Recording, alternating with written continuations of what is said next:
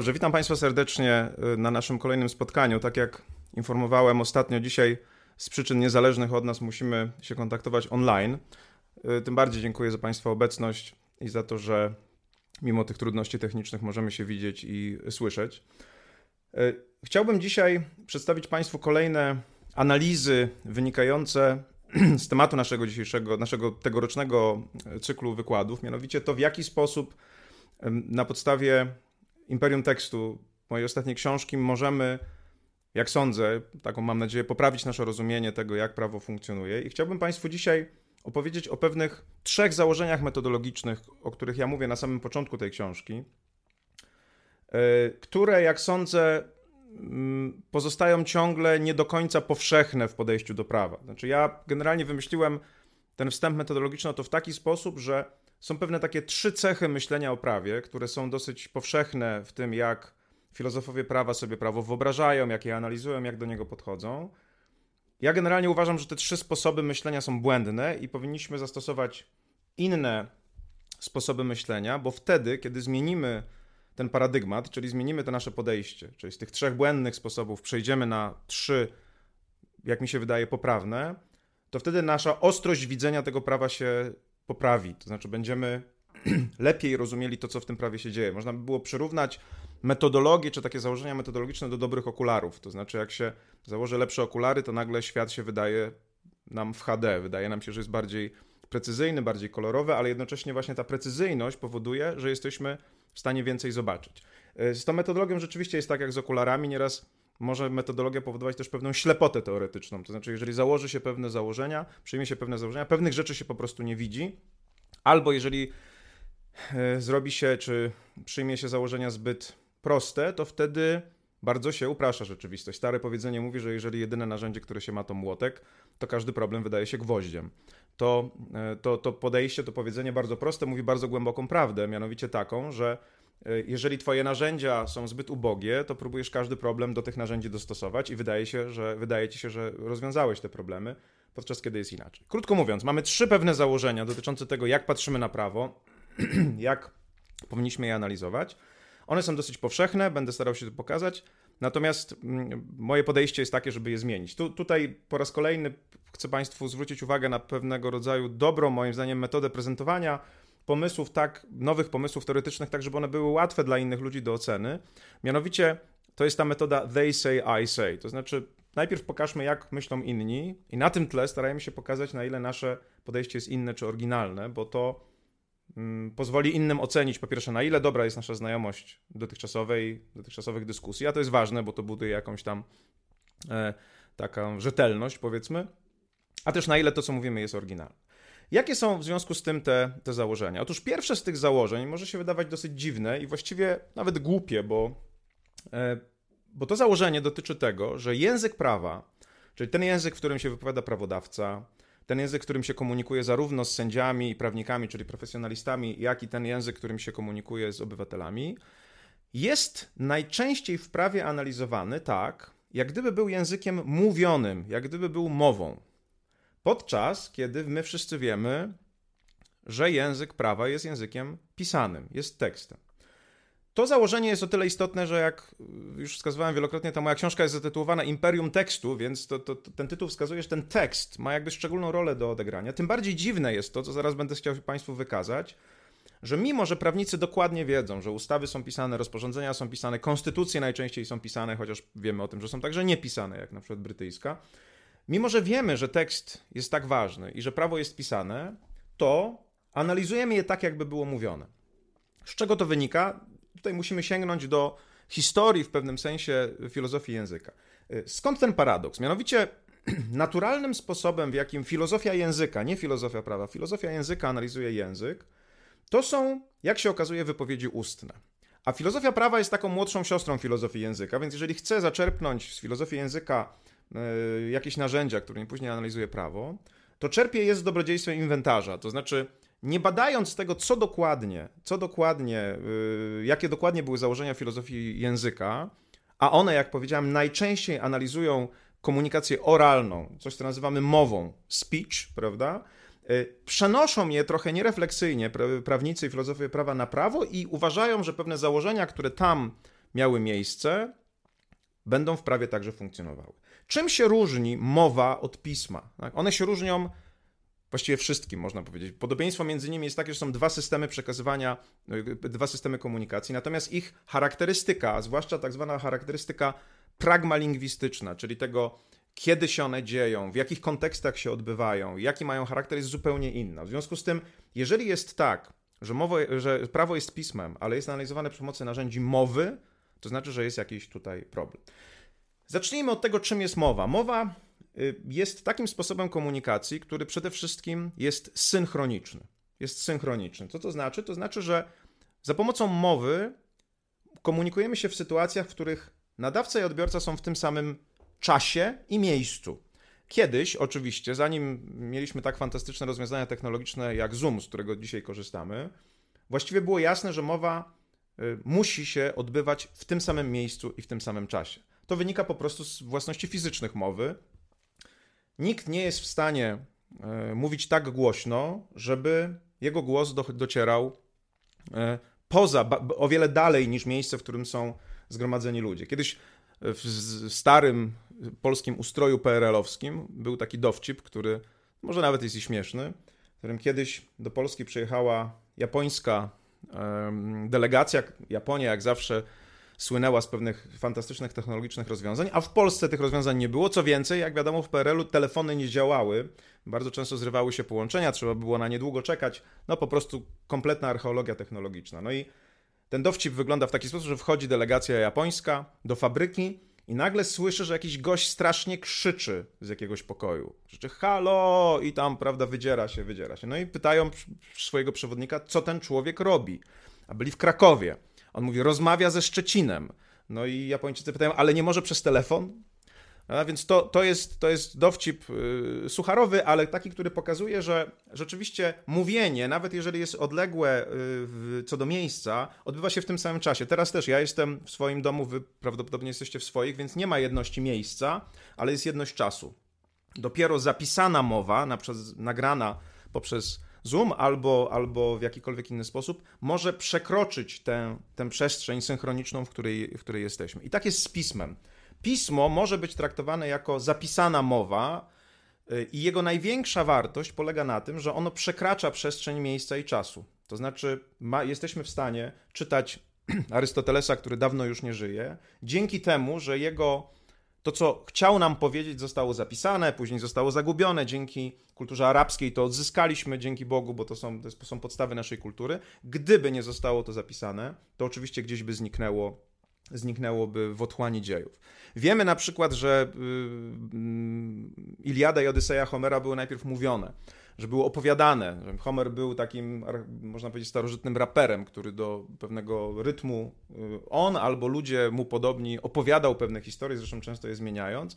Mamy analizy naukowe, które wskazują, że charakter tego, tej komunikacji wskazuje, że ona na początku była ustna i dopiero później została zapisana. Ten moment przejścia od komunikacji ustnej do zapisanej komunikacji jest absolutnym, absolutną rewolucją e, technologiczną, dlatego że on zwiększa siłę słowa w sposób absolutny. To znaczy, już nie miejsce i czas nas ograniczają, tylko e, to, co napiszemy, staje się trwałym artefaktem dzięki papirusowi, dzięki mm, papierowi, innym materiałom, kamieniowi na przykład, jakimś glinianym tabliczkom i może prze przekroczyć miejsce i czas. I dlaczego to jest takie ważne?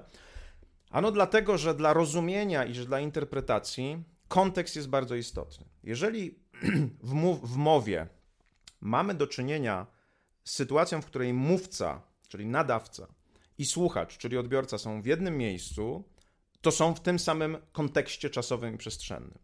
To jest kluczowa sprawa, ponieważ to oznacza, że ich komunikacja jest łatwiejsza. Można odwołać się do tego kontekstu. Yy, ten kontekst to może być kontekst przestrzenny. Kiedy mówimy o czymś, co nas otacza, możemy to wskazać. E, natomiast jeżeli to jest kontekst szerszy, na przykład kontekst historyczny, kontekst wiedzy, to to jest także istotne, bo ludzie, którzy są w jednym miejscu w jednym czasie, mają tę samą wiedzę o przeszłości i tę samą wiedzę o przyszłości, żadną. To znaczy nie wiedzą, co się zdarzy i nie wiedzą, w jakim kierunku losy świata się potoczą. Kiedy natomiast mamy pismo, to nadawca pisma może być w jednym miejscu czasowym i w, jednym, w jednej przestrzeni w czasie i dokonuje pewnej komunikacji i później ta komunikacja wędruje przez czas i jest odbierana w innym miejscu, w innym czasie i nie ma już tożsamości miejsca i czasu, a więc kontekstu. ta komunikacja jest nie synchroniczna, tylko diachroniczna. To znaczy, właśnie ze względu przede wszystkim na czas, ale tak na miejsce, ona się rozdziela. Rozdziela się kontekst nadawcy i kontekst odbiorcy. I dlaczego to jest takie istotne? Bo to ma kluczowy wpływ dla interpretacji. Jeżeli już nie mam tego wspólnego kontekstu, ani w aspekcie przestrzennym, ani w aspekcie czasowym, czyli wiedzowym, dlatego że ja na przykład pewnych rzeczy nie wiem, jako Arystoteles, a mój interpretator dwudziestowieczny pewne rzeczy wie, to ta komunikacja, czyli to, co się wie w momencie nadawania i to, co się wie w momencie odbierania, są zupełnie inne. Jeżeli teraz spojrzymy na prawo, no to oczywiście są takie sytuacje, w której prawo jest nieraz komunikowane ustnie. Prawdopodobnie kiedyś promulgacja w taki sposób y, następowała, że po prostu wiem, jakiś posłaniec przyjeżdżał, odczytywał treść prawa, zwłaszcza, że większość ludzi nie potrafiła czytać. No, no to było jasne, że trzeba mi to po prostu powiedzieć. Natomiast współczesne prawo niemal w całości jest pisane. I to zarówno w systemie civil law, jak i w systemie common law, gdzie nawet y, teksty wcześniejszych orzeczeń też są tekstami, tak? a nie, nie słowem mówionym. To oznacza, że dla interpretacji prawa kluczowe znaczenie ma to, że kiedy ja nadaję, to kontekst jest inny. Kiedy nadaję normę prawną, bo ją zapisuję w tekście, i kiedy odbieram, to kontekst jest też inny. Więc stąd powstaje wątpliwość w prawie, która w mowie nie powstaje, czyli w tekście pisanym powstaje, a w tekście, a w sposobie w mówieniu nie powstaje. Mianowicie, czy zmiana okoliczności ma wpływać na interpretację tego, co czytam. I to jest jedna z podstawowych, jeden z podstawowych, jedno z podstawowych zagadnień in, teorii interpretacji. Czy powinniśmy stosować interpretację, czy wykładnię statyczną, czyli taką, którą zakłada, że my ujmujemy znaczenie tekstu prawnego z momentu, kiedy on jest nadany, czy też dynamiczną, to znaczy yy, uznajemy, że znaczenia ewoluują, bo nasza wiedza na temat świata ewoluuje i w związku z tym przyjmujemy znaczenie z momentu odbioru. I oczywiście tu się toczy wielka dyskusja, wielki, wielki problem teoretyczny, mianowicie mamy zwolenników wykładni statycznej. W Stanach Zjednoczonych to jest tak zwany oryginalizm. W różnych odmianach jest oryginalizm pierwotnych intencji, który zakłada, że konstytucję amerykańską sprzed 200 lat należy interpretować zgodnie z tym, jak sobie życzyli, czy jakie intencje mieli ci, którzy ją napisali, ojcowie założyciele. Później następuje pewna zmiana, bo z tymi intencjami jest problem, do tego jeszcze będziemy wracać. Jak je zidentyfikować, skoro ci ludzie już dawno nie żyją i nie ma, nie ma dostępu do ich umysłów, nie wszystko, nie każdy dostęp do, nie wiem, zapisanych relacji z tego, co robili, jest, jest równie rzetelny. E, więc potem zmienia się ten oryginalizm na oryginalizm pierwotnego publicznego znaczenia, czyli już nie chodzi o to, czego oni chcieli, tylko jak zostali zrozumieni. I zakłada się, że to podejście ma pewne wartościowe cechy, takie jak na przykład stabilność, ograniczenie swobody sędziego, który nie może dowolnie zmieniać y, treści konstytucji, na przykład nie może sobie uwzględniać zmiany y, czy dodawać nowych praw, które konstytucja przewiduje, jeżeli one wprost nie zostały wyrażone. I w sposób oczywisty to podejście statyczne jest popierane przez konserwatystów, którzy uważają, że mm, właśnie zmiana, wprowadzanie nowych treści do konstytucji jest oczywiście zawsze podejrzane, bo tak, tak być nie powinno. Ale mamy też zwolenników y, dynamicznej wykładni. W Stanach Zjednoczonych nazywa się ten, ten prąd tak zwanym żyjącym konstytucjonalizmem, albo e, takim podejściem, które traktuje konstytucję jak rosnące drzewo. To znaczy zakłada się, że konstytucja rośnie w jakiś sposób i, i jej tekst może zmieniać, zmieniać znaczenie. To są rzeczy, które, które wynikają między innymi z tego, że i chyba można tak powiedzieć, że w pewnym sensie to takie skupienie na mówieniu i założenie, że y, mowa jest wzorem, jakby według którego bada się, bada się prawo, y, może powodować większą skłonność do tych podejść statycznych.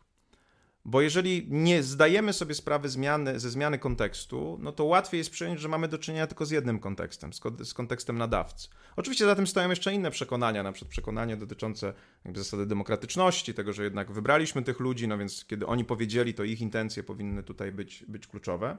Natomiast co ciekawe, dopiero w momencie, kiedy stwierdzimy, że pismo jest podstawą taką ontyczną prawa, czyli, czyli że, że prawo jest przede wszystkim tekstem, no to wtedy ten, te problemy ze zmianą, ze zmianą kontekstu się pojawiają. I ja w dalszych wykładach będę starał Wam się pokazywać, w jaki sposób to przejście z założenia o synchroniczności komunikacji, czyli takiej, która jest charakterystyczna dla mowy, do pisma, czyli do diachroniczności, wpływa na nasze myślenie o interpretacji. Na przykład w jaki sposób wpływa na ulubioną, um, ulubione ćwiczenie prawników, czyli identyfikowanie intencji prawodawcy. Czy w ogóle jest potrzebne identyfikowanie intencji prawodawcy? Prawdopodobnie, jeżeli przyjmiemy to założenie, przekonamy siebie, że to nie intencja, ale konwencja ma większe znaczenie. Czyli nie to, co chciał powiedzieć prawodawca, tylko co jego język powiedział.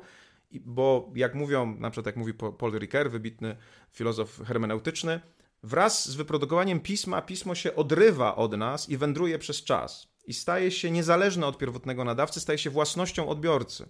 I to nie chodzi o to, że staje się własnością odbiorcy w jakiś magiczny sposób. Po prostu jego charakter powoduje, że my tracimy dostęp do umysłu e, prawodawcy czy autora i mamy tekst, który staje się w pewnym sensie autonomiczny. I ponieważ nie mamy dostępu do tej osoby autora, zwłaszcza w przypadku tekstów, które już długo są z nami, to one zaczynają wpływać na rzeczywistość trochę inaczej niż wpływałby sam autor. Jest możliwe to, że one, mówi się o tym, że na przykład tak jest na przykład ze świętymi księgami wielkich religii monoteistycznych, gdzie w ogóle idea autora odchodzi trochę, realnego autora oczywiście, odchodzi w cień, bo to już nie jest istotne, kto konkretnie co napisał, tylko nagle okazuje się, że tekst staje się pewnym artefaktem, który właśnie wędruje przez czas i zostaje otoczony interpretacjami, jest stosowany do różnych nowych sytuacji i dzięki temu coraz szerzej i coraz głębiej ten tekst się rozumie.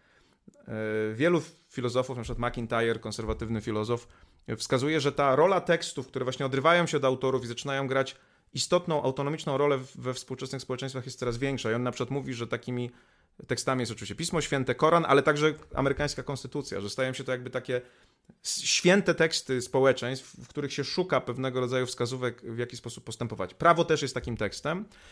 I jak mówię, jeżeli przyjmiemy, że przechodzimy z mm, języka mówionego na język na język pisany, to nagle otwiera się cała masa przestrzeni, w których y, te, te, tę autonomiczność i to oderwanie widać.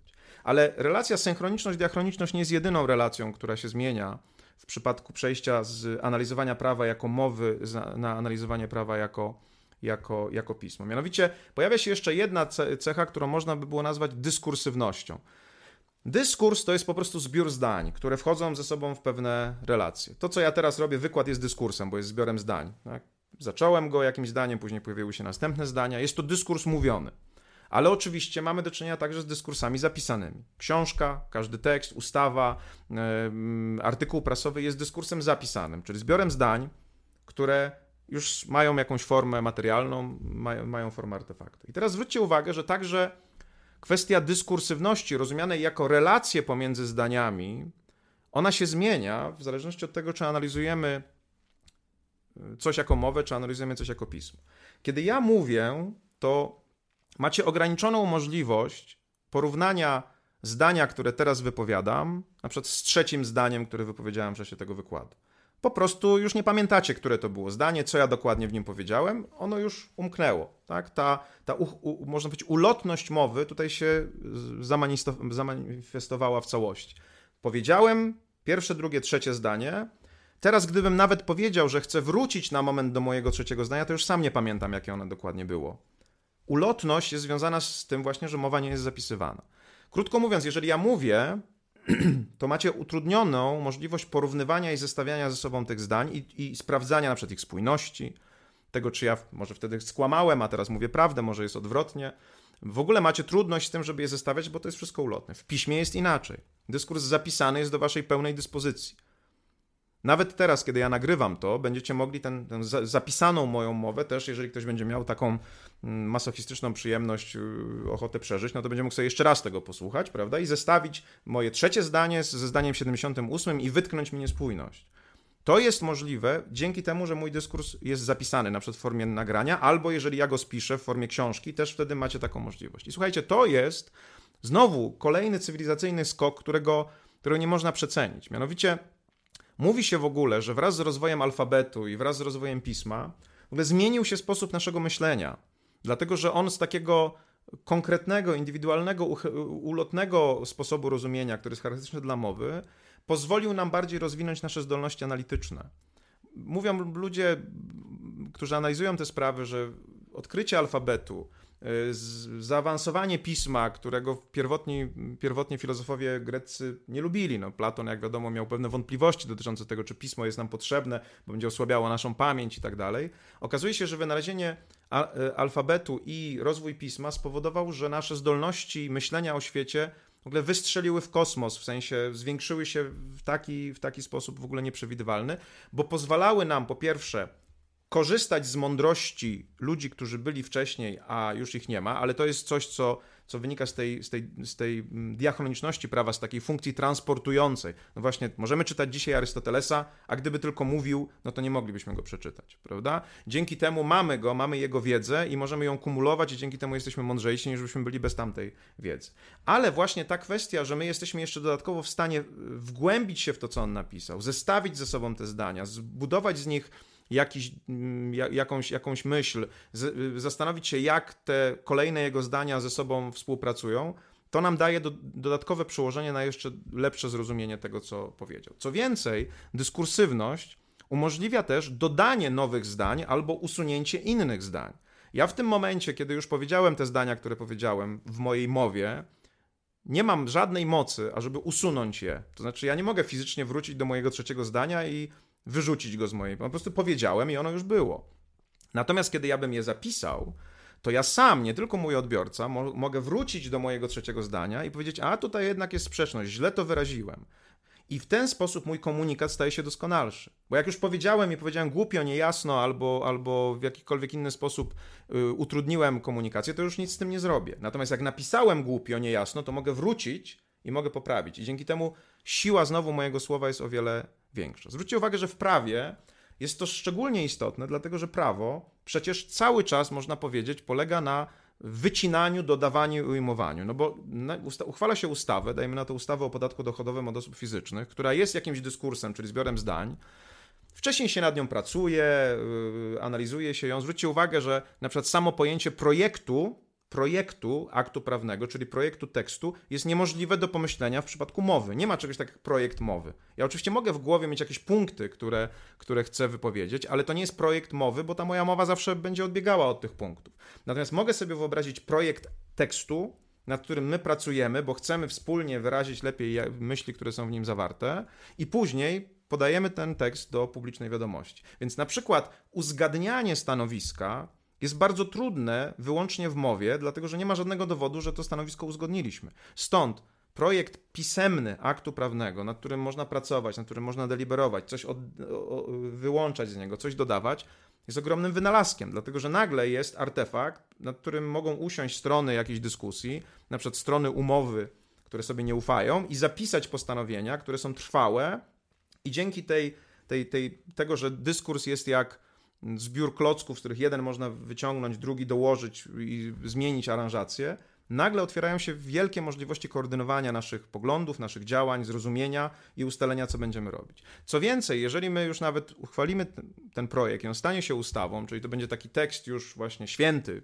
wpływający na nasze działanie, można powiedzieć, że tekst prawny ma jakąś taką specjalną przecież moc, to możemy go zmienić. Możemy od niego coś odjąć, możemy coś dodać nadal, tak? w, tej, w tej specjalnej formule derogacji, zmiany, nowelizacji. One znowu nie są możliwe w przypadku mówienia.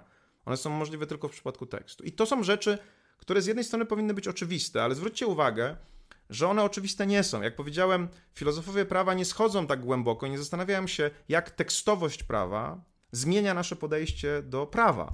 A zmienia istotnie, dlatego że jeżeli my popatrzymy na mowę, to jest dosyć jasne, że w mowie y, bardzo trudno jest mówić wspólnie to samo. Znaczy, można sobie na przykład wyobrazić, że ludzie skandują coś, więc grupa mówi wspólnie, wypowiada te same słowa. Natomiast zakomunikować coś wspólnie pisemnie można. A to, czyli no, no, na przykład prawo jest komunikacją wspólną, że jest nie wiem, 460 posłów, 100 senatorów, więc jakaś grupa zgadza się na jakiś tekst i on wspólnie komunikuje to, co jest dla nich ważne. Ale zobaczcie, jak to wpływa na kwestię na przykład znowu intencji, o której wspomniałem. Czy w ogóle można tutaj mówić o jakiejś jednolitej intencji? A kiedy ja mówię teraz, no to jeszcze można by było dyskutować nad tym, ponieważ jestem jedną osobą i to jest, ja to mówię, nikt ze mną tego nie mówi, no to stoi za tym być może jakaś intencja moja. Ale jeżeli ja wypowiadam się jako jeden z 460 posłów przy pomocy pisma, e, no to wtedy kto mówi tak naprawdę? Kto jest autorem? Czyja intencja powinna decydować? Czy możemy mówić o czymś, co jest kolektywną intencją? Są tacy, którzy mówią, że można, ale co się do niej liczy? Tak? Czy musimy udowodnić, że wszyscy, którzy głosowali za, mieli taką samą intencję? Czy czy w ogóle wszyscy, którzy głosowali, mieli taką samą intencję? Czy intencja tego, kto sporządził projekt, jest tutaj istotna? Czy intencja tego, który uchwalił? Przecież mogą to być różne intencje. Tak? Ktoś napisał jakieś zdanie, jako autor, jako projektodawca i powiedział, o, ono znaczy to, ja rzeczywiście podoba mi się to znaczenie, chcę, żeby ono regulowało ludzkie zachowania. Ale za chwilę może pojawić się ktoś nowy, kto przeczyta to zdanie i powie, ale zaraz, zaraz, to, to zdanie znaczy coś zupełnie innego, ale też mi się podoba, bo uważam, że rzeczywiście takie coś powinno być ludziom nakazane. Ale te dwie rzeczy, to co sobie myślał ten autor projektu i to, co sobie myślał ten, który uchwala, to mogą być zupełnie inne rzeczy. Język jest pojemny, jest wieloznaczny. Więc zwróćcie uwagę, że tutaj otwierają się nam pewne przestrzenie znowu do myślenia, które w dalszych wykładach, kiedy będę mówił już więcej na temat intencji legislacyjnej, jak ona wpływa na naszą interpretację, czy w ogóle, nagle pokażą się, y, czy ukażą się nam jako bardzo istotne, właśnie dlatego, że zmieniliśmy paradygmat. I nie widać ich tak bardzo w przypadku, kiedy analizujemy język jako język mówiony, a widać je, kiedy analizujemy język jako język pisany. To wynika między innymi z tego, że filozofia języka, na przykład teoria aktów mowy, ma, miała zawsze taką dziwną tendencję, żeby pracować na wypowiedziach ustnych i pracować na wypowiedziach pojedynczych. Otwórz okno, e, uważaj, cienki lód, podaj mi piwo. To są takie sformułowania, które bardzo często padają w, w, u tych analityków, którzy zajmują się filozofią aktami mowy, którzy bardzo proste akty mowy pojedyncze analizują. Prawo nie jest pojedynczym aktem mowy, jest bardzo złożonym aktem tekstu, to znaczy sytuacją, w której wiele aktów tekstu, czyli wiele wypowiedzi pisanych, wchodzi ze sobą w różne interakcje. Przecież zwróćcie uwagę, że ustawa w przeciwieństwie do powieści nie jest linearna. Nie czytamy jej od początku do końca, tylko dzięki tekstowości możemy y, wziąć sobie dwa przepisy, jeden z początku, drugi z końca, jeszcze jeden z innej ustawy, jeszcze inny z konstytucji czy z dyrektywy i nagle stworzyć mini dyskurs złożony z wypowiedzi wziętych z różnych dyskursów, z różnych tekstów. To też jest cecha, którą widać w derywacyjnej koncepcji wykładni, gdzie norma jest produktem zbiorczym przepisów, które mogą pochodzić z różnych nawet poziomów tekstu prawnego. To wszystko to jest właśnie dyskursywność, której w mowie nie ma. Nie da się mowy rozłożyć na czynniki pierwsze, yy, przearanżować kolejności, bo ona się zdarza i jej już nie ma. Natomiast w języku pisanym ta aranżacja jest możliwa i oczywiście my to wszystko wiemy, no przecież to nie są rzeczy jakieś odkrywcze, które ja teraz wam przedstawiam, ale istota polega na tym, że my to wiemy, ale tego jakby nie aplikujemy do naszego myślenia o prawie, o intencji, o interpretacji, bo jakby żyjemy w pewnym takim przekonaniu, czy w takim micie, że prawo jest, że prawo jest y, tak jak gdyby było tekstem, jakby było mową, tak jakby było mówione, a więc te wszystkie problemy związane z, ze strukturą nadawcy, który nie, mo, nie musi być jedną osobą, tylko może być wieloma osobami, ze zmianą kontekstu, który następuje przy piśmie, ze strukturą odbiorcy, który też już nie jest jednym odbiorcą, e, tylko może być wieloma odbiorcami rozłożonymi w czasie, z, ze zmienną wiedzą na temat świata, ze zmienną wiedzą na temat znaczenia słów. Jak to wszystko wpływa na, e, na, na prawo? Podsumowując, można powiedzieć, że jak przechodzimy z paradygmatu mowy na paradygmat tekstu, to nagle wiele złożoności nam się pojawia w prawie i wiele pytań powstaje, których nie widzimy wtedy, kiedy analizujemy je przez paradygmat mowy. Czyli to jest właśnie ta sytuacja takiej,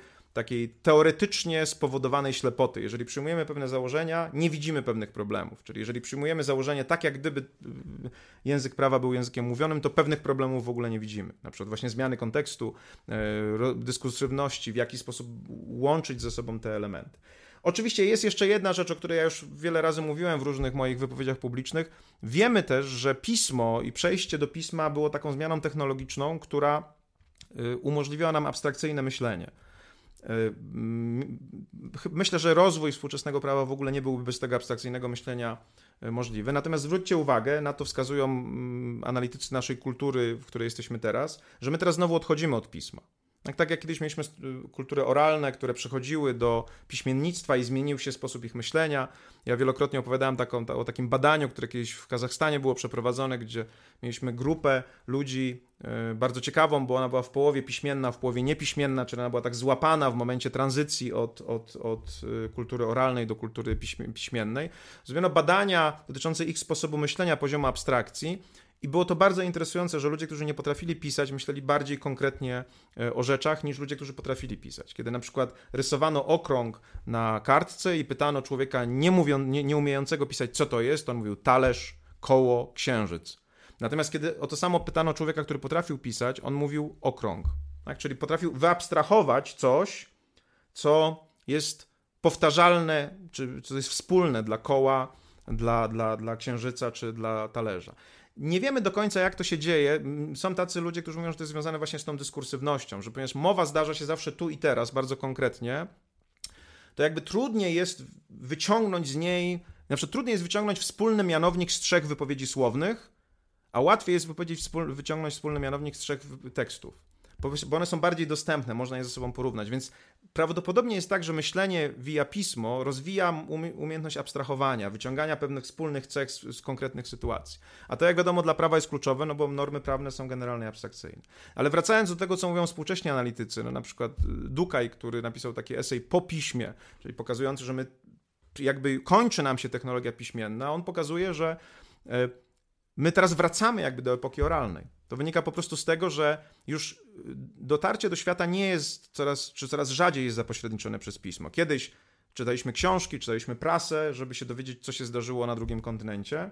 Teraz możemy to zobaczyć bezpośrednio, czyli prawie tak, jakbyśmy mieli bezpośredni kontakt. Nie ma, pismo już nie zapośrednicza nas. Widzimy obrazy, widzimy zdjęcia, widzimy filmy. W związku z tym to trochę jest tak, jakbyśmy bezpośrednio znowu uczestniczyli w tych sytuacjach. Tak jak bezpośrednio u, u, u, uczestniczyli ludzie, którzy słuchali Homera, który, który śpiewał y, Iliadę czy Odyseję. I to powoduje, że ludzie znowu przestają się myśleć abstrakcyjnie, myślą bardziej konkretnie i indywidualnie. I to jest zagrożenie dla prawa. Prawa, prawo jest całe zbudowane na systemie, będziemy do tego wracać. Natomiast to, to jest bardzo interesujące, że po pierwsze, prawo, nie, moim zdaniem, filozofia prawa nie brała pod uwagę bardzo poważnie tego, jak piśmienność prawa wpływa na jego funkcjonowanie.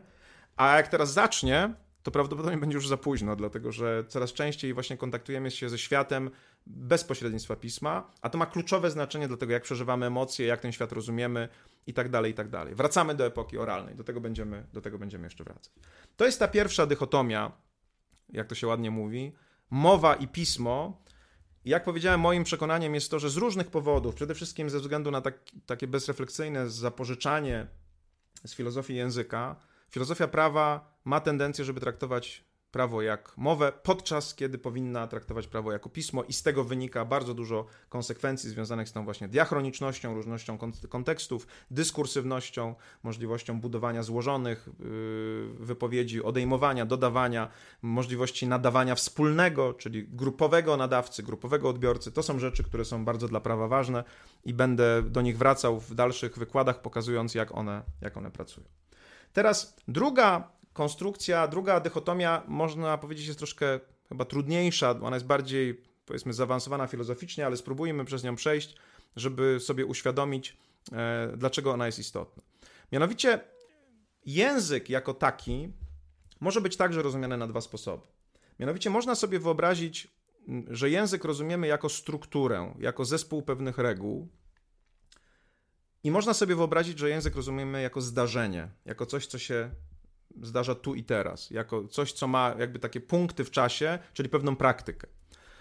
Jak to najlepiej sobie wytłumaczyć tak po ludzku? Mianowicie, kiedy zaczynacie się uczyć języka jako dzieci, swojego natywnego języka, na przykład w naszym przypadku języka polskiego, to oczywiście nikt was nie sadza jako niemowlaka na fotelu i nie mówi: Słuchaj, teraz ci wytłumaczę, czym jest czasownik, jutro ci wytłumaczę, czym jest rzeczownik, na czym polega składnia, to jest bez sensu zupełnie. Wrzucacie to dziecko, ono samo jest i jest wrzucone po prostu w praktykę użyć, w której ono słyszy słowa, słyszy struktury i, i przez naśladownictwo tej praktyki po kilku latach fantastycznie mówi po polsku, bezbłędnie, mimo że zupełnie nie wie nic na temat gramatyki języka polskiego. Dopiero później idzie do szkoły, jest załamany, prawda? Dlatego, że okazuje się, że doskonale potrafi mówić, posługiwać się praktycznie językiem, natomiast nie potrafi zrozumieć, na czym polega gramatyka, to jest jakby sztuczne. Inaczej uczycie się języka nowego, czyli takiego obcego, który nie jest waszym natywnym językiem, tradycyjnie powiedzmy. To nie jest najlepsza metoda, ale tak jest, no rozpoczynacie naukę, no to właśnie nie, uczy, zaczynacie się uczyć angielskiego czy hiszpańskiego, uczycie się alfabetu, uczycie się odmiany czasowników, flexi, yy, uczycie się innych zasad, i później próbujecie te reguły, tę gramatykę zastosować w praktyce, czyli jest odwrotnie najczęściej. Oczywiście są tacy, którzy mówią, że najlepiej nauczyć się także języka obcego, tak jak się uczy języka naturalnego, przez zanurzenie.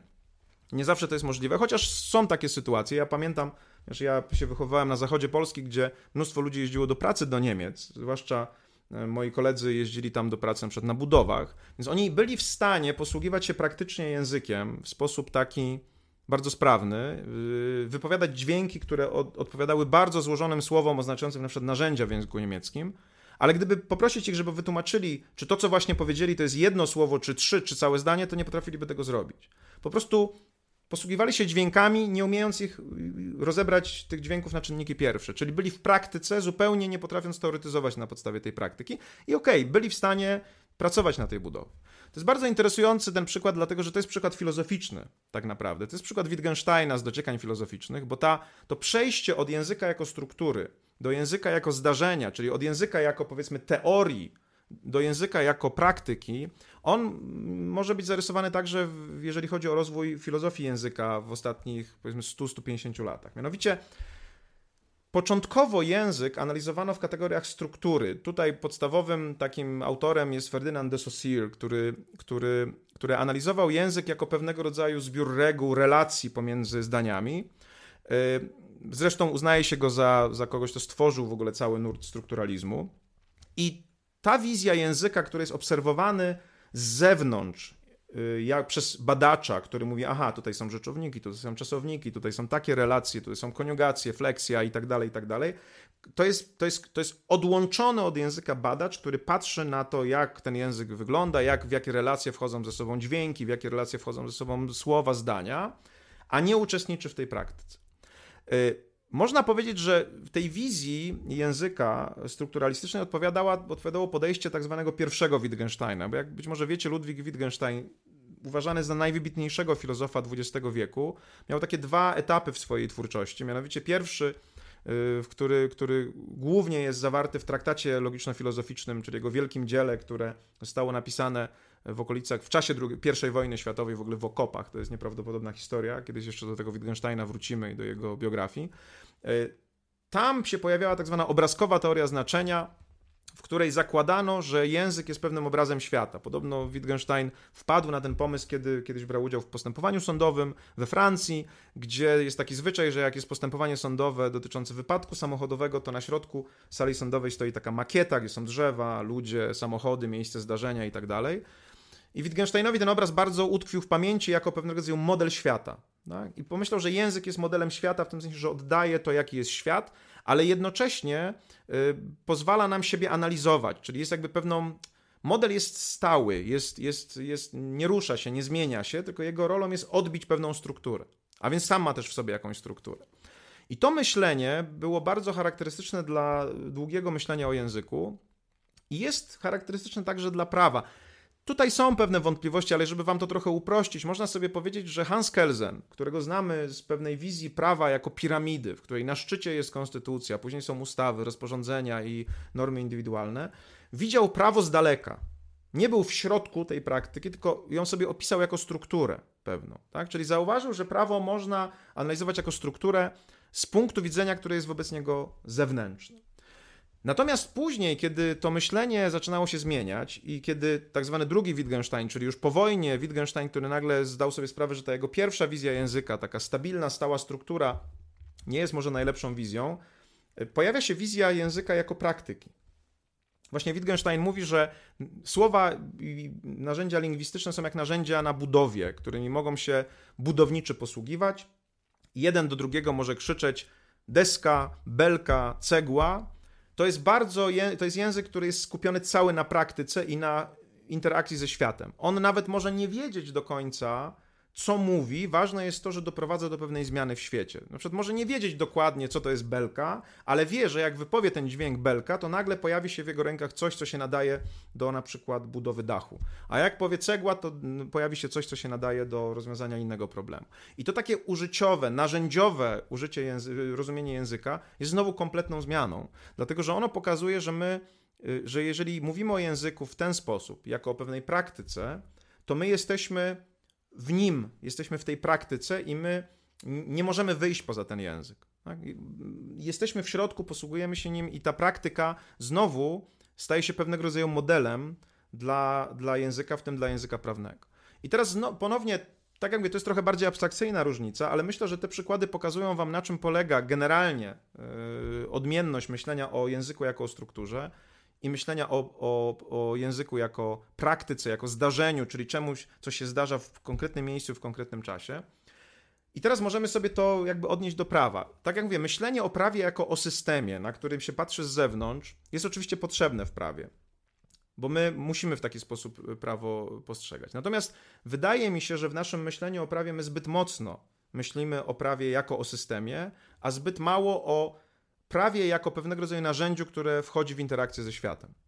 Dla przykładu, jeżeli pomyślimy o tym, jaka jest dobra interpretacja, to prawnicy często mają taką tendencję do zamykania się w wieży z kości słoniowej i do takiego myślenia o interpretacji, która kończy się spójnością, kończy się jakąś piękną katedrą, prawda, myślową, której wszystkie elementy do siebie pasują. Pal licho rzeczywistość. Pal licho, jak ta katedra pięknie wybudowana z pojęć działa w rzeczywistości. Ważne, że ona jest piękna, możemy ją kontemplować.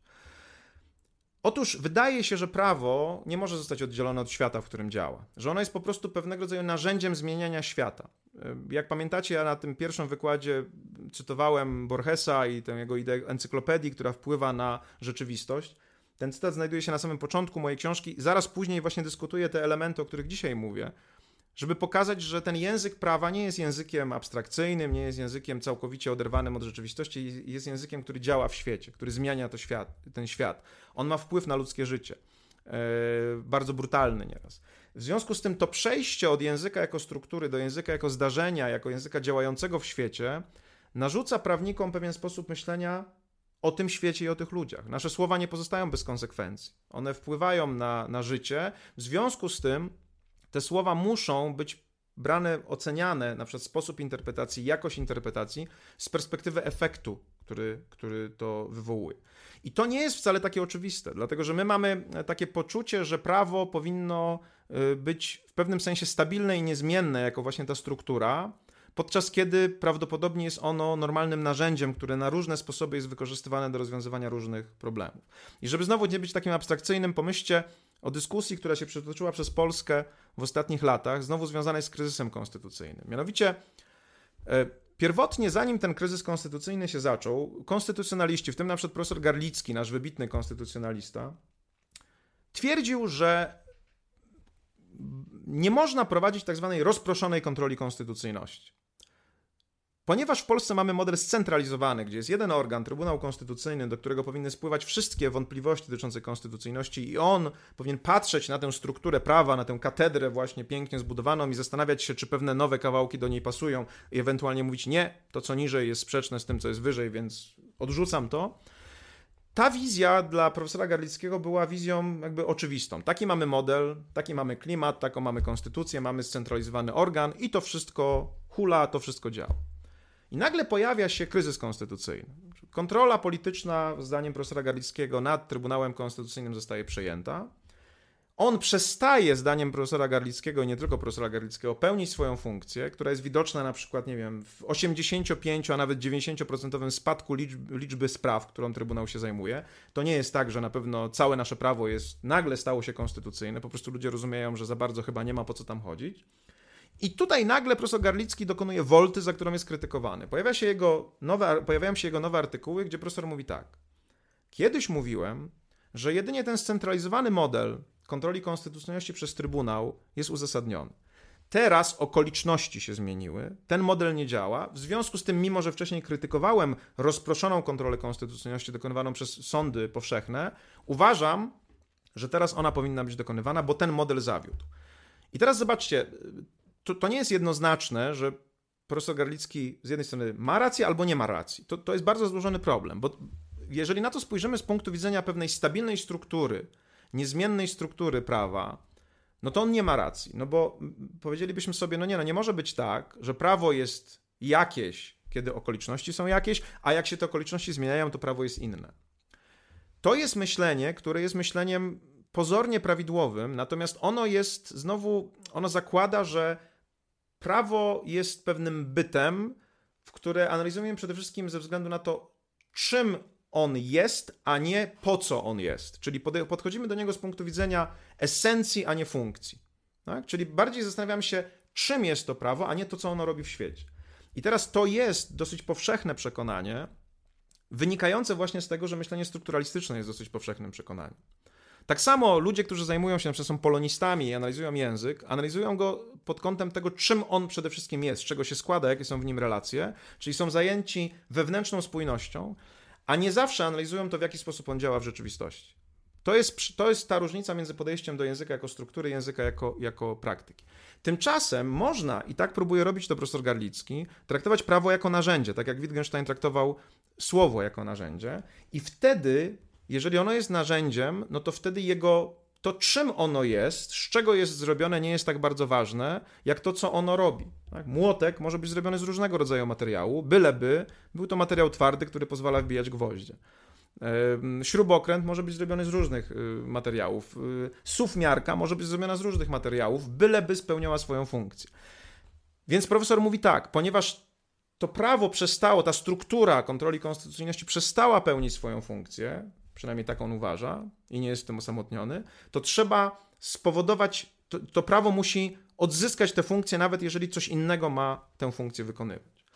Inny wielki znawca y, praworządności, profesor Martin Krygier, wyznaje taką funkcjonalną koncepcję praworządności. Znaczy on mówi tak, słuchajcie, jeżeli byście zobaczyli, na czym polega państwo praworządne, nie wiem, w stu krajach na świecie, to będzie wam bardzo zna trudno znaleźć pewną esencję, czyli pewnego rodzaju takie cechy, które determinują, mm, które mówią o podobieństwie takim esencjonalnym pomiędzy tymi rozwiązaniami. Y, bo są różne systemy, a mimo to mówimy, że te systemy mogą być praworządne, czyli ich treść, ich struktura jest inna, ale to, co one robią, jest bardzo podobne. Na przykład powodują, profesor Krygier mówi, że podstawową funkcją praworządności jest ochrona przed arbitralnością władzy. To jest funkcja. Tak jak funkcją młotka jest wbijanie gwoździ, to funkcją praworządności jest ochrona przed arbitralnością władzy. Nie ma jednego sposobu wbijania gwoździ. Na różne sposoby można gwoźdź wbijać. E, szybko, wolno, jednym uderzeniem, wieloma małymi, jednym mocnym, kilkoma słabymi. Tak samo jest wiele sposobów, na których pewien system instytucjonalny może wykonywać swoją funkcję ochrony przed arbitralnością.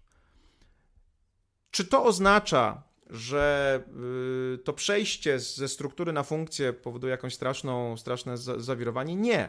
Jeżeli dobrze pomyślimy o tej funkcji, skupimy się na tej funkcji, czyli właśnie włączymy myślenie funkcjonalne, nie esencjonalne, no to wtedy okazuje się trochę lepiej możemy analizować, czy przynajmniej przy niektórych przypadkach jesteśmy w stanie lepiej trochę analizować to, jak to prawo funkcjonuje.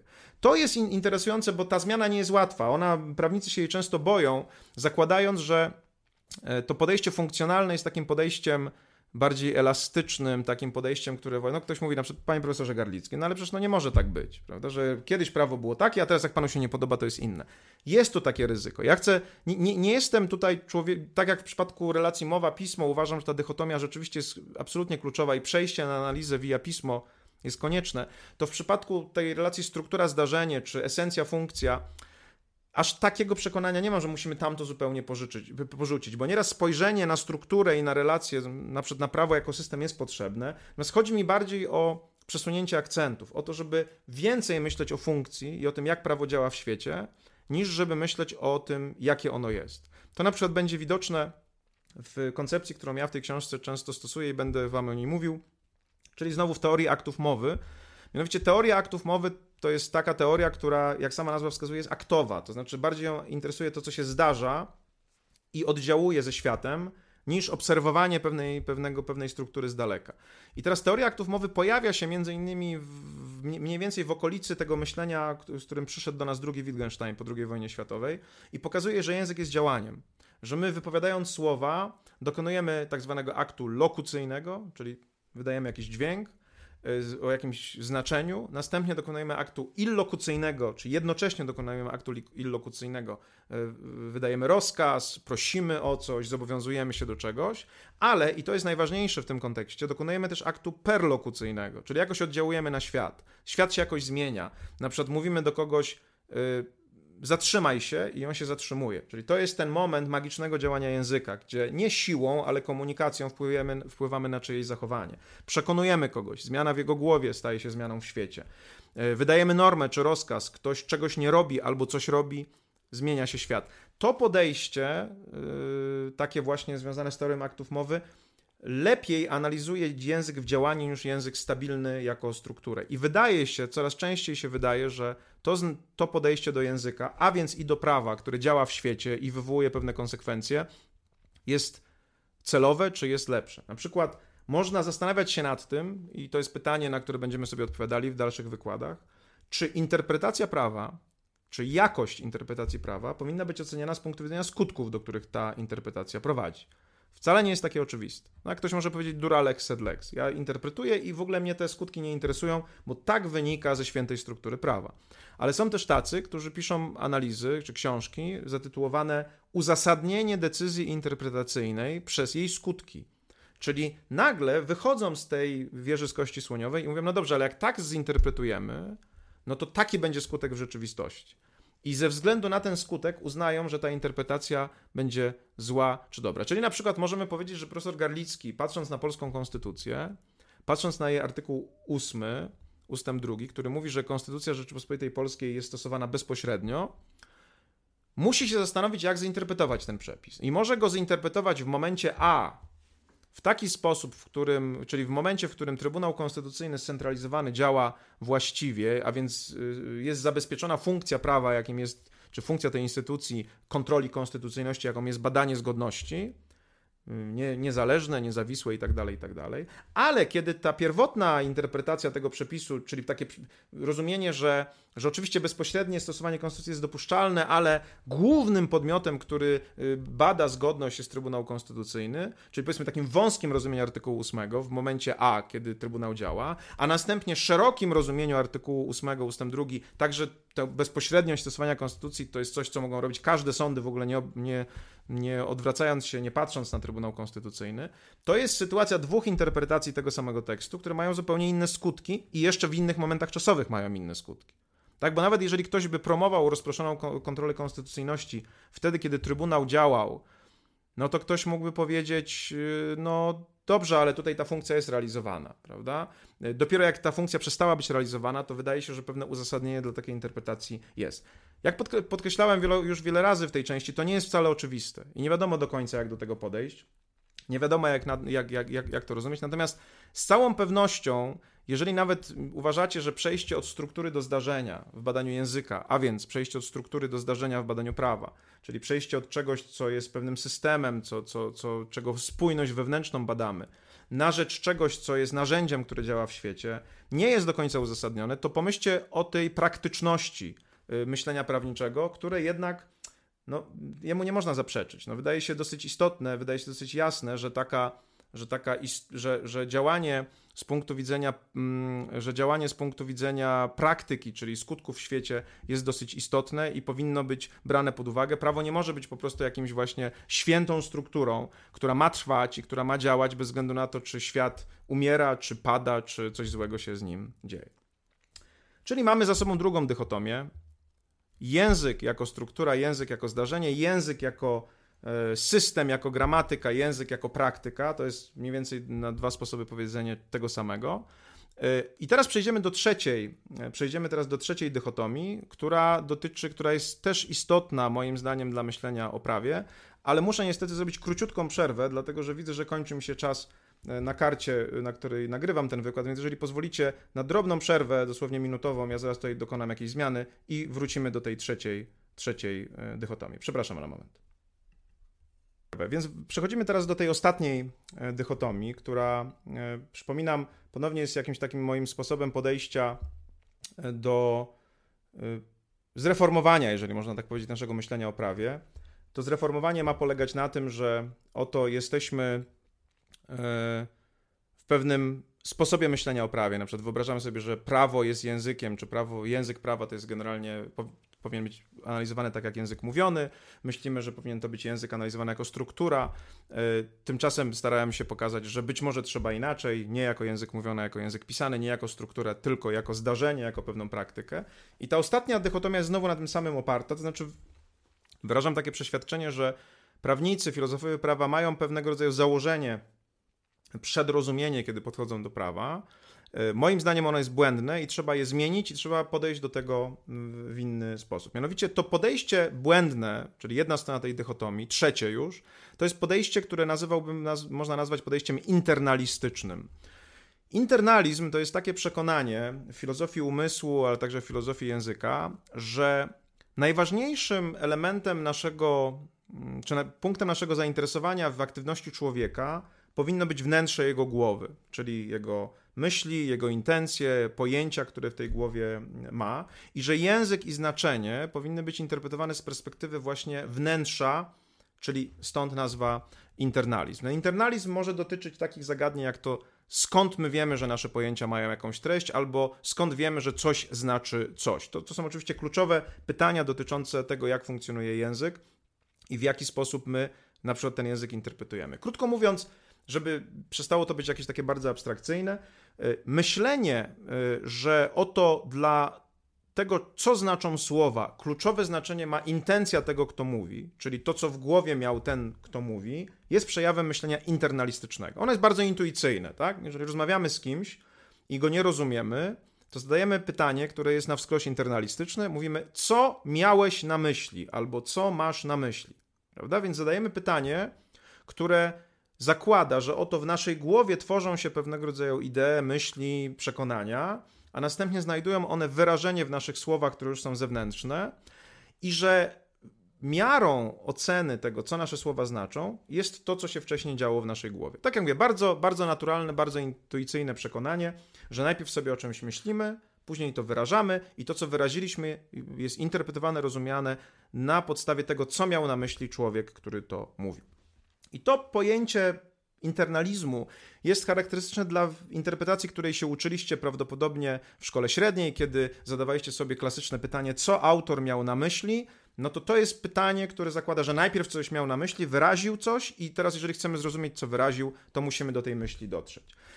To myślenie internalistyczne, jak pewnie już zauważycie, jest trochę połączone z myśleniem, myśleniem o prawie przez kategorię mowy, dlatego że tutaj uzewnętrznienie, oderwanie tego, co zostało powiedziane od umysłu mówiącego nie, nie zachodzi. To znaczy, generalnie ktoś mówi, my nie rozumiemy, odnosimy się do tego, co pomyślał, i dzięki temu on nam wyjaśnia, już rozumiemy. Wydaje się, że wielu prawników uważa, że tak samo można interpretować prawo. Czyli, że prawodawca jest, yy, rozumiany internalistycznie, prawodawca ma, jest pewnym człowiekiem, a nie na przykład grupą ludzi, czyli człowiekiem, który ma pewną myśl, pewną ideę, wyraża ją w postaci prawa, a jeżeli mamy wątpliwość, co wyraził, no to wracamy do tego jego umysłu i pytamy, co autor miał na myśli. Czyli zastanawiamy się, jaka była intencja prawodawcy. I znowu w prawie jest to bardzo charakterystyczne myślenie, które ma bardzo długą tradycję i wydaje się w pewnym sensie naturalne i normalne. Tymczasem można sobie wyobrazić, że jak to mówi wybitny eksternalista Hilary Putnam, że znaczenia nie mieszkają w naszych głowach. Ta wizja, że znaczenia wcale nie muszą się tworzyć w głowach, wydaje się strasznie nieintuicyjna, natomiast ona się pojawiła mniej więcej w latach 80., czyli stosunkowo niedawno jak na filozofię, lat, latach 80. XX wieku, kiedy dwóch e, wybitnych filozofów, Saul Kripke i, i Hilary, Hilary Putnam, wpadli na podobny pomysł, mianowicie, że prawdopodobnie o tym, co znaczą nasze, nasze słowa albo jaka jest treść naszych pojęć, wcale nie decyduje to, co my sobie myślimy, tylko zewnętrzny świat. Jak na to wpadli? Tworząc to myślenie, które nazywamy teraz myśleniem eksternalistycznym, między innymi przez pewne takie eksperymenty myślowe.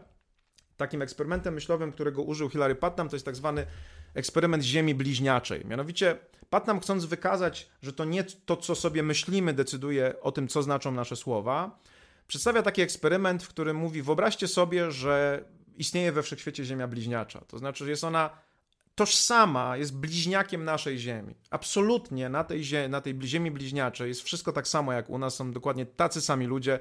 Jest tam w tym momencie mój sobowtór, który prowadzi wykład z filozofii prawa, są wasze sobowtóry, które słuchają tego wykładu. Wszystko, absolutnie wszystko jest dokładnie takie samo, jak to się mówi, molekuła w molekułę, e, z jedną różnicą. Y, substancja przezroczysta, którą piją mieszkańcy bliźniaczej Ziemi, która wypełnia ich jeziora, która pada z nieba, z chmur i która jest w oceanach, nie ma struktury H2O, tylko strukturę XYZ. Tak sobie możemy ją zapisać. Czyli ma inną, inną strukturę. I teraz Pat nam mówi, wyobraźcie sobie, że spotkało was to, co, spotkało, co podobno spotkało duży procent ludności Stanów Zjednoczonych, da się ten procent wyliczyć, mianowicie porwali was obcy, mówi Patna. Wyobraźcie sobie, że zabrali was z ziemi naszej na ziemię bliźniaczą, ale nie wiecie o tym, że zostaliście zabrani i przeniesieni. No jest też trochę trudno, bo budzicie się na ziemi bliźniaczej i wszystko jest dokładnie takie samo. I Pat nam mówi, no dobrze, ale wiemy, my jako obserwatorzy, że woda, czyli to, co jest nazywane wodą na ziemi bliźniaczej, ma strukturę XYZ, a nie H2O. I teraz w momencie, w którym wy się budzicie i chcecie się czegoś napić i prosicie o to, żeby podać wam szklankę wody, w waszej głowie oczywiście jest przekonanie, że prosicie o szklankę H2O. Tymczasem w tej sytuacji, w tym świecie, w tej społeczności, wasze słowo znaczy coś innego. Macie, w związku z tym, wasze myśli nie determinują tego, co znaczy wasze słowo. Tak? Dlatego, że woda wypowiedziane tam odnosi się do substancji, która ma X, Y, Z, taką strukturę chemiczną, a nie strukturę H2O.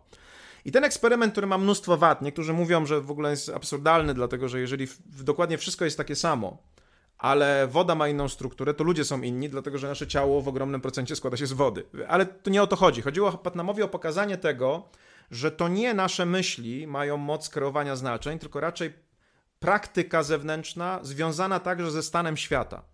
Czy to nie to, co ja myślę, decyduje o tym, co znaczą, do czego odnoszą się moje słowa, tylko to, jakby do czego w danej praktyce dane społeczeństwo je odnosi, ze względu na na przykład na, tak zwa, na jakąś taką wewnętrzną strukturę rzeczy, na przykład właśnie strukturę wody. I to przesunięcie pozwala sformułować y, Patnamowi tę myśl, mieszkania, y, Boże, nie mieszkania, znaczenia nie mieszkają w, naszej, w naszych głowach. One się tworzą w zewnętrznym świecie, w pewnych interakcjach języka ze światem, w pewnej praktyce społecznej, w związku z tym nie to, jakie my mamy przekonanie na temat naszych słów, tylko to, jakie, jakie zeksternalizowane przekonanie na temat znaczenia naszych słów ma istotną, ma, ma, ma, ma doniosłość. To myślenie Patnama, jak mówię, było rozwinięte przez Saula Krybkego, do którego jeszcze wrócimy, który y, wyobrażał sobie język jako pewnego rodzaju taki historyczny ciąg wypowiedzi, które y, gdzieś tam się zaczęły.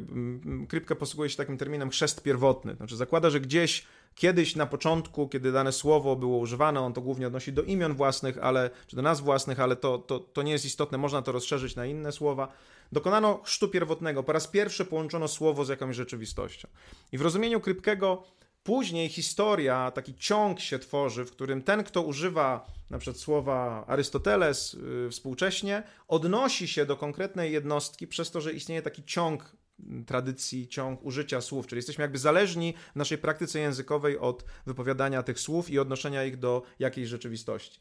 Także to rozumienie Krypkiego pokazuje, że to jakby tradycja i historia w pewnym sensie decydują o tym, co znaczą nasze słowa, a nie nasze wewnętrzne przekonania.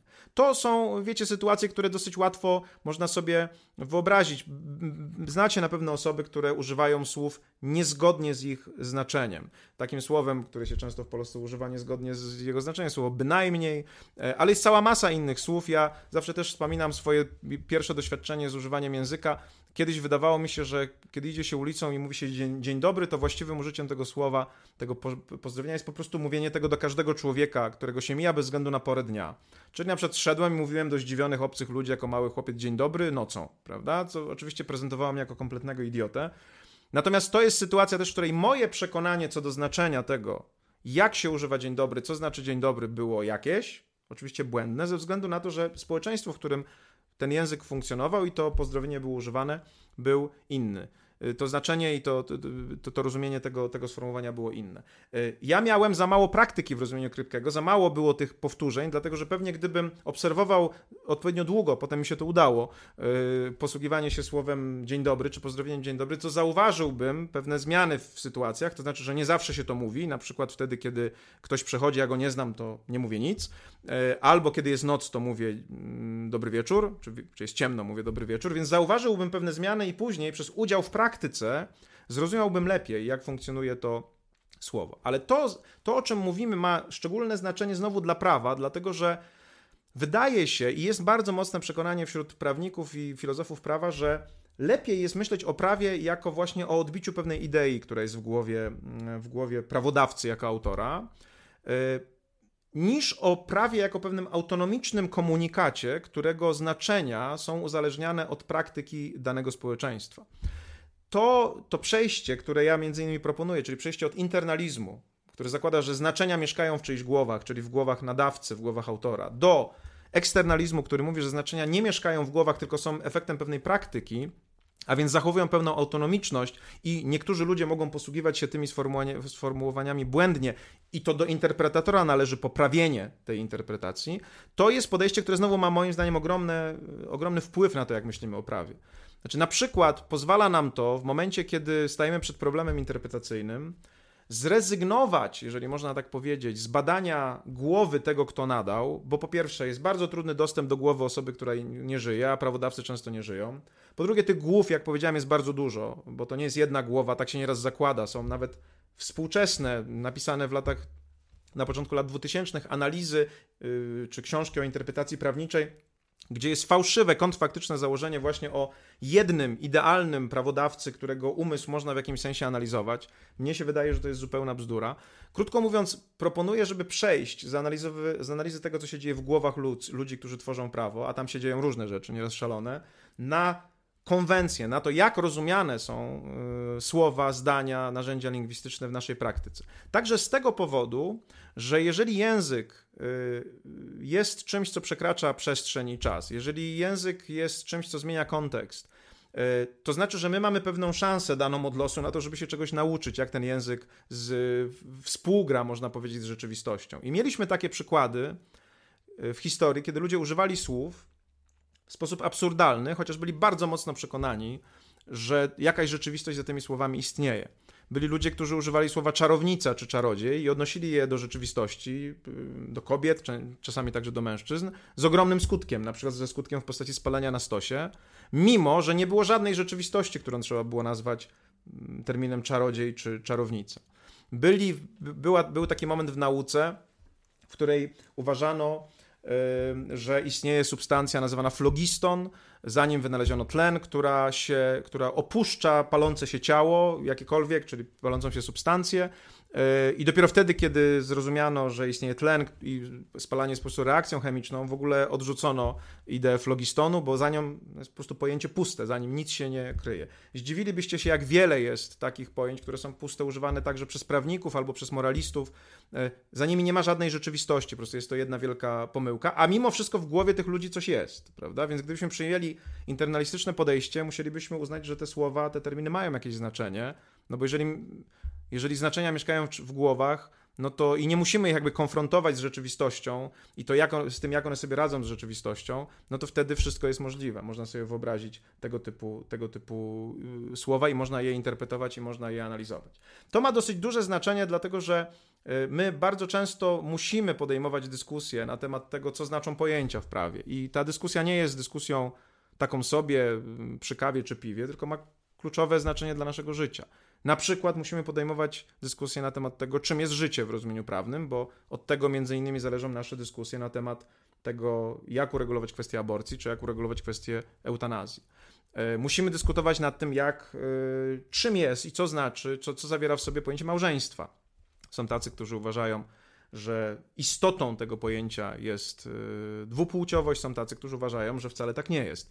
Dyskusja na ten temat, jeżeli ma się opierać wyłącznie na tym, co ludzie mają w głowach, jest skazana na niepowodzenie. Znaczy, po prostu nie ma żadnego, żadnej możliwości rozstrzygnięcia tych kwestii. Ja myślę tak, ty myślisz tak. Znaczenia mieszkają w naszych głowach, w związku z tym mówimy tak naprawdę o czymś innym. No jak się mamy w takim razie y, y, ze sobą porozumieć? Eksternalizm daje tutaj pewną nadzieję, że istnieje jakiś zewnętrzny test dla tego, czy nasze rozumienie jest właściwe. Nie zawsze jest nim zgoda społeczna. To jest też bardzo istotne, bo, bo mm, tu nie chodzi o to, że jeżeli wszyscy się zgadzają, że coś coś znaczy, prawdopodobnie mieszkańcy Salem zgadzali się pewnie co do tego, kto jest czarownicą, ale to wcale nie znaczy, że ten ktoś był czarownicą. E, krótko mówiąc, to nie chodzi tylko o zgodę, tylko chodzi o pewną funkcję i działanie języka i radzenie sobie ze światem. Te eksternalistyczne podejście do języka jest bardzo właśnie związane z ewolucyjnym podejściem do języka, bo my zakładamy, że to między innymi procesy w teorii ewolucji zaaplikowane do kultury mogą nam powiedzieć, czy dane rozumienie jest ok, czy nie jest ok. Po prostu, jeżeli ono nam pomaga radzić sobie ze światem i lepiej się wpisuje w całość naszych pojęć, to wtedy można powiedzieć, nasz język jest lepszym narzędziem, które, który ze światem sobie radzi. Jeżeli natomiast ono nie wpisuje się w te pojęcia, albo na przykład y, uważamy, że ono jest puste, albo jest niepełne i nie da się pogodzić z innymi, z innym rozumieniem, no to wtedy radzi sobie z naszym światem takie, tak, taki, takie narzędzie eksternalne wobec naszego umysłu, gorzej. W związku z tym, na przykład, bardzo często to nie to, co sobie ludzie myślą na temat słów, decyduje ich znaczeniu, ale jak te słowa wchodzą w relacje z innymi słowami, czy jak zdania wchodzą w relacje z innymi zdaniami i czy doprowadzają do pewnej spójnej, na przykład, teorii, którą możemy zaaplikować do świata, czyli na przykład spójnej teorii małżeństwa, spójnej teorii życia, czy jakichkolwiek innych, innych rozważań. Nie mówię oczywiście, że my mamy już tę spójną historię, teorię. Nie, jesteśmy w trakcie jej dyskutowania. Mówi się, że te pojęcie, pojęcia takie jak życie, e, małżeństwo, kobieta ostatnio, także w, bardzo, bardzo szerokiej dyskusji, e, czy powinna się odnosić to pojęcie tylko do cis kobiet, czy do trans kobiet. To są dyskusje, które ciągle toczymy, to są tak zwane pojęcia, które są ciągle poddane dyspucie, ale zmierzam do tego, że jeżeli będziemy je traktowali internalistycznie, to ta dysputa jest skazana na niepowodzenie. Po prostu pozostaniemy po swoich na, na, swoich stanowiskach. Ja myślę to, ty myślisz to, więc właściwie nie ma przestrzeni dla, dla, dla porozumienia. Jeżeli postaramy się znaleźć jakieś eksternal, eksternalistyczne kryterium dla tego, jak powinniśmy rozumieć nasze pojęcia, jak je aplikować, to wtedy jest przynajmniej szansa na to, że będziemy mieli jakiś obiektywny punkt odniesienia, czy intersubiektywny punkt odniesienia, dzięki któremu możemy się zgodzić. Czyli to przejście z internalizmu na eksternalizm jest nam potrzebne z wielu powodów i będę je popierał w tych naszych rozmowach i popieram je w książce z kilku powodów. Po pierwsze, ono nam pokazuje, że to nie subiektywizm człowieka, który sobie coś myśli, jest dla nas miarą znaczenia, czy tego, mm, jaka jest treść pojęć, tylko coś bardziej obiektywnego, nawet jeżeli to jest ty tylko, ale to tylko to nie jest tak mało, nasza tradycja, nasza praktyka do tej pory. Tak? Nasze słowa są ciągle w obrocie, nasze zdania są ciągle w obrocie i były momenty, kiedy ludzie używali ich źle i widzieliśmy, jakie były skutki. Na przykład wtedy, kiedy równość była rozumiana w taki sposób, że nie uwzględniała kobiet, albo równość była rozumiana w taki sposób, że nie uwzględniała ludzi o innym kolorze skóry niż biały. To były jakieś praktyki i my teraz już wiemy, do czego one doprowadziły. Mm, więc wiemy, że nie powinniśmy w taki sposób mówić. E, więc już jest jakaś praktyka, która jest czymś bardziej obiektywnym niż to, co sobie myślą ludzie, bo to są jakieś zdarzenia, jakieś fakty, jakieś skutki, do których możemy odnieść i potraktować ją jako taki proces prób i błędów i dzięki temu możemy dzisiaj y, mieć lepsze rozumienie równości, lepsze rozumienie być może godności i innych tego typu y, pojęć. Po drugie, jeżeli oderwiemy się od tej psychologizacji, od tego, że, że słowa znaczą to, co ludzie sobie myślą, że one znaczą, to jesteśmy w stanie właśnie budować trochę szersze konstrukcje i zastanawiać się, w jaki sposób nasze pojęcia, niezależnie od tego, co sobie kto myśli, wchodzą w relacje z innymi pojęciami. Znowu, żeby nie być tutaj abstrakcyjnym, pomyślcie o takim, o, o, o, dyskusji, która się teraz toczy między innymi pomiędzy y, państwami członkowskimi Unii Europejskiej, takie jak właśnie Polska i Węgry, a Unią Europejską w zakresie praworządności. Są tacy, którzy mówią, że to pojęcie jest puste, że można sobie je dowolnie wypełnić. Są tacy, którzy mówią, że można je wypełnić tylko tak, ażeby ono było w spójności z innymi pojęciami, takimi jak demokracja, takimi y, y, pojęciami jak podział władz, jak niezależność sądownictwa, bo zakładamy, że tak jak ciało człowieka jest pewnym systemem, w którym wchodzą e, różne organy i razem realizują pewien wspólny cel, tak samo prawo i nasz system pojęciowy powinien być pewnego rodzaju holistycznym systemem, który odpowiada rzeczywistości i nie można sobie po prostu wyciągnąć jednej rzeczy, jednego klocka, jednego kółka zębatego z tego systemu i powiedzieć, a ja będę to teraz rozumiał tak i nie obchodzi mnie to, czy to wszystko, co jest dookoła, będzie mogło działać. To jest między innymi podejście, które znowu y, jakby odbija echem to, co mówiliśmy wcześniej, funkcjonalne rozumienie języka, który działa w świecie, a nie abstrakcyjne, oderwane od świata rozumienie języka. I tutaj ze szczególnym oczywiście nastawieniem na interpretację prawniczą, internalizm, eksternalizm jako takie podejście, w którym My jesteśmy skupieni bardziej na tym znowu, jak język wchodzi w interakcję ze światem. Yy, na przykład słowo woda z pewną rzeczywistością, która jest rzeczywistością fizyczną, albo słowa takie jak hipoteka, jak małżeństwo, jak, jak yy, życie, też z jakąś rzeczywistością, która oczywiście jest o wiele trudniejsza do zdefiniowania, bo nie daje się zbadać chemicznie, ale jest przynajmniej, jak powiedziałem, jakaś większa nadzieja na obiektywizm w zakresie badania tych interakcji czy tych relacji, tych słów z rzeczywistością. Krótko mówiąc i podsumowując, Dzisiaj starałem Wam się przedstawić pewnego rodzaju założenia metodologiczne, które przyświecały mi i chciałbym, mam nadzieję, żeby przyświecały Wam w myśleniu o prawie, bo w moim najgłębszym przekonaniu przejście z pewnych starych pozycji, w trzech dychotomiach, o których dzisiaj mówiłem, na nowe pozycje w tych dychotomiach, otwiera zupełnie inne perspektywy w zakresie naszej analizy y, tej rzeczywistości, za którą jako ludzie jesteśmy odpowiedzialni, prawa. Zresztą Hilary Putnam, twórca eksternalizmu, mówi, że każde społeczeństwo, w każdym społeczeństwie zachodzi coś w rodzaju podziału pracy językowej. To znaczy, że są pewne grupy społeczne powołane do tego, żeby głębiej, mocniej przyglądać się pewnej rzeczywistości i nazywać ją precyzyjniej, po to, żeby sobie lepiej z nią radzić. Wy, jako nie lekarze, możecie wiedzieć, że coś was boli w boku. Lekarz musi wiedzieć dokładnie, musi znać waszą anatomię, musi mieć o wiele precyzyjniejszy język, żeby nazwać to, gdzie was boli. E, musi rozumieć, jaka jest różnica między jednym rodzajem tkanki, drugim, jakie są różnice pomiędzy organami. My tego do końca nie możemy powiedzieć, boli nas brzuch, prawda? Lekarz tak nie może powiedzieć. Lekarz musi w pewnym momencie nazwać to precyzyjniej i cała praktyka medycyny na jakimś poziomie może być traktowana jako podział pracy językowej, polegający na tym, że mamy specjalnych ludzi, którzy analizują rzeczywistość ludzkiego ciała i nazywają ją bardzo precyzyjnie.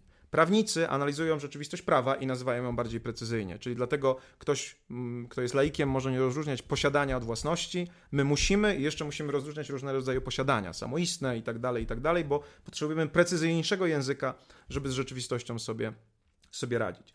Krótko mówiąc, idea, którą chciałem Wam dzisiaj przedstawić, jest taka, żeby porzucić pewne przyzwyczajenia w myśleniu. Każda z tych trzech dychotomii ma ten stary sposób myślenia i nowy sposób myślenia i przejść z jednego na drugi. Pierwsza z tych dychotomii to była dychotomia mowa-pismo, i starałem się Wam dzisiaj pokazać, że mimo, że wiemy, że prawo jest głównie pisane, że składa się z tekstów, to z uporem, lepszej, uporem godnym lepszej sprawy ciągle myślimy o prawie tak, jak gdyby było mówieniem, w tym sensie, że pomijamy to, że komunikacja przez prawo jest komunikacją diachroniczną, a nie synchroniczną, czyli od, nadanie i odebranie komunikatu odbywa się w różnych momentach, a nie w jednym, tak jak w przypadku mówienia. Cały czas zakładamy, że komunikacja przez prawo jest adyskursywna, tak jakby odbywała się pojedynczymi komunikatami, a nie dyskursywna, czyli że składa się z pewnych zbiorów zdań i my możemy nad tymi zdaniami pracować, łączyć się, rozłączać, dodawać, odejmować i to zupełnie inaczej wpływa na nasze rozumienie na przykład w ogóle pojęcia autorstwa. Tak? Kto jest autorem tekstu prawnego, jeżeli on na przykład jest właśnie ustawą o podatku dochodowym od osób fizycznych, zmieniają naj, najczęściej w naszej historii, jak w ogóle możemy myśleć o intencji kogoś, kto jest autorem, jeżeli tych autorów jest mm, mnóstwo, tak? nawet trudno jest ich, ich policzyć. Czyli pierwsza dychotomia mowa i pismo. Tradycyjnie mm, myślimy o prawie jako o, o, mowie, a powinniśmy myśleć jako, jako o, o piśmie. Druga e, kategoria język, a więc język prawa jako struktura, jako spójna wewnętrznie struktura analizowana z zewnątrz i w której głównie jej wewnętrzne e, relacje i ich spójność jest istotna, versus język jako praktyka, jako zdarzenie, coś, co w konkretnym miejscu i czasie działa na rzeczywistość. E, I tutaj znowu założenie, że może ta dychotomia nie jest aż tak bardzo dychotomiczna, w tym sensie, że powinniśmy zrezygnować z kompletnego myślenia o prawie jako o systemie i strukturze i przejść na myślenie e, o prawie jako o czymś, co działa w świecie, ale ewidentnie, kiedy zdamy sobie sprawę z tego, że te tak zwane akty perlokucyjne, czyli to w jaki sposób słowo zmienia rzeczywistość, są ważne, to możemy się jakby nauczyć tego, czy, czy pozbyć pewnego grzechu myślenia prawniczego, że to, to gmach prawa i wieża z kości słoniowej, w której budujemy nasze koncepcje jest najważniejsza, a nie to, jak to prawo zmienia rzeczywistość, jak powoduje szczęście albo nieszczęście ludzi, w jaki sposób z, ze światem wchodzi w interakcję. I trzecia dychotomia, internalizm, eksternalizm, tradycyjnie przyjmujemy, i nie tylko my, wielu filozofów, myślenie takie, że y, to, do czego odnoszą się nasze słowa, jaka jest treść naszych pojęć, jest determinowane przez to, co znajduje się w naszych głowach, naszą intencję, nasze przekonania, naszą wiedzę. Eksternalizm, który się rozwija później, pokazuje, że tak nie jest, że znaczenia treści pojęć są determinowane przez coś, co jest na zewnątrz człowieka. Strukturę świata, na przykład skład chemiczny, y, takich substancji jak woda, praktyka, przez praktykę społeczną, tradycję, która, która w jakiś sposób używała słów przez wiedzę innych ludzi, na przykład padł na mój przez y, wiedzę ekspertów, którzy, y, na których spoczywa podział, jakiś, jakiś rozdział tego podziału, społecznego podziału pracy. Wszystkie te, te, te elementy tej trzeciej dychotomii internalizm, eksternalizm mają na celu odejście od takiej subiektywnej psychologizacji myślenia o języku i znalezienia bardziej zewnętrznych, bardziej obiektywnych e, sposobów determinowania. Są one także związane z teorią ewolucji, do czego będziemy wracać. Generalnie one mówią, żeby bardziej myśleć o konwencjach niż o intencjach i bardziej, spotyka, bardziej skoncentrować się na historycznej praktyce użycia terminów prawniczych niż na tym, co myślał konkretny prawodawca. Czy macie jakieś pytania dotyczące tych trzech dychotomii, ewentualnie jakichś innych kwestii, które się tutaj pojawiły?